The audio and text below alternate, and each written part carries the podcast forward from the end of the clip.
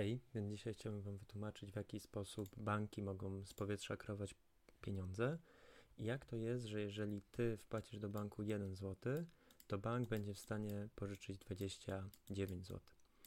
Wszystko opiera się tak naprawdę o rezerwę obowiązkową, czyli jeżeli my na przykład pójdziemy do banku i wpłacimy do niego 1000 zł,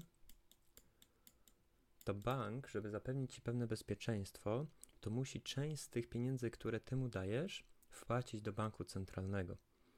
I aktualnie jest to 3,5%. Czyli, żeby ciebie zabezpieczyć z każdego tysiąca, który ty dasz do banku, bank musi do banku centralnego wpłacić 35 zł. Ok, jak już jesteś super zabezpieczony, to wtedy bank ma to 965 zł i może je dalej pożyczyć. I teraz ten bank może wziąć to 965 zł i je dalej pożyczyć. Pożycza to temu bankowi. On ma to swoje 965 zł pożyczki i teraz 3,5% z tego musi dać jako zabezpieczenie, czyli około 33 zł trafia do banku centralnego. Czyli on 33 zł już ma mniej, czyli ma 900 32 zł. No i tamten bank wcześniejszy na tej pożyczce będzie oczywiście zarabiać jakieś tam procenty, jakieś odsetki, ale ten bank ma te pieniądze i może je dalej pożyczyć. Czyli temu następnego, następnemu bankowi pożycza sobie to 932 zł. No i ten bank dalej musi oddać tą rezerwę do banku centralnego i tak to mogą robić praktycznie w nieskończoność. Oczywiście w pewnym momencie jakby te kredyty i te rezerwy, które oni muszą wpłacać jako zabezpieczenie do banku centralnego, sprawią, że no to te ilości, które będą mogli sobie pożyczać, będą już jakieś super, super małe. Tak jak widzimy, to ta ilość pieniądza spada cały czas. Ale suma summarum, jakbyśmy sobie to wszystko obliczyli, to każda złotówka zamienia się w 28,57 złotego. No i problem pojawia się na przykład w momencie, w którym ty wrócisz do tego banku i powiesz, dobra, chciałbym wypłacić moje 1000 zł.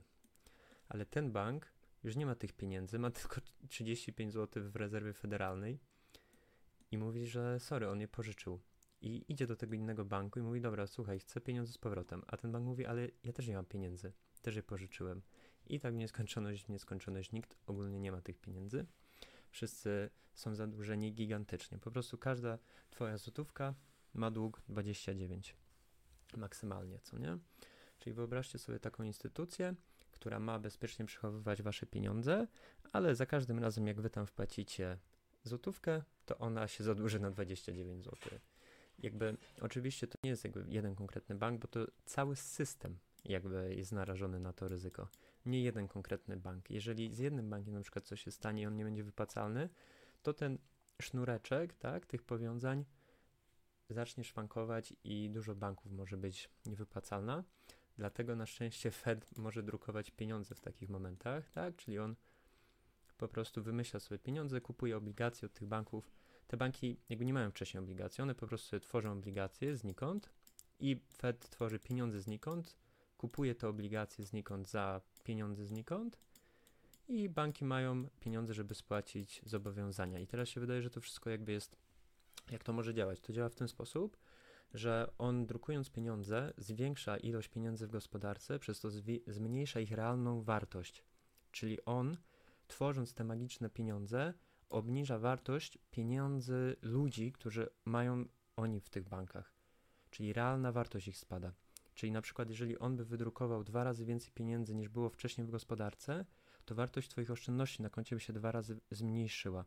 Czyli na przykład ilość produktów realnych, które mógłbyś kupić, byłaby dwa razy mniejsza, więc to tak naprawdę ty płacisz za to, co tam sobie Fed drukuje. I największy problem jest wtedy, kiedy ktoś, kto no, ma złe cele albo po prostu nie umie tym zarządzać, dostanie się do władzy. On wtedy może drukować te pieniądze w nieskończoność, inwestować je w zły sposób, tracić na tym pieniądze, których nigdy nie miał.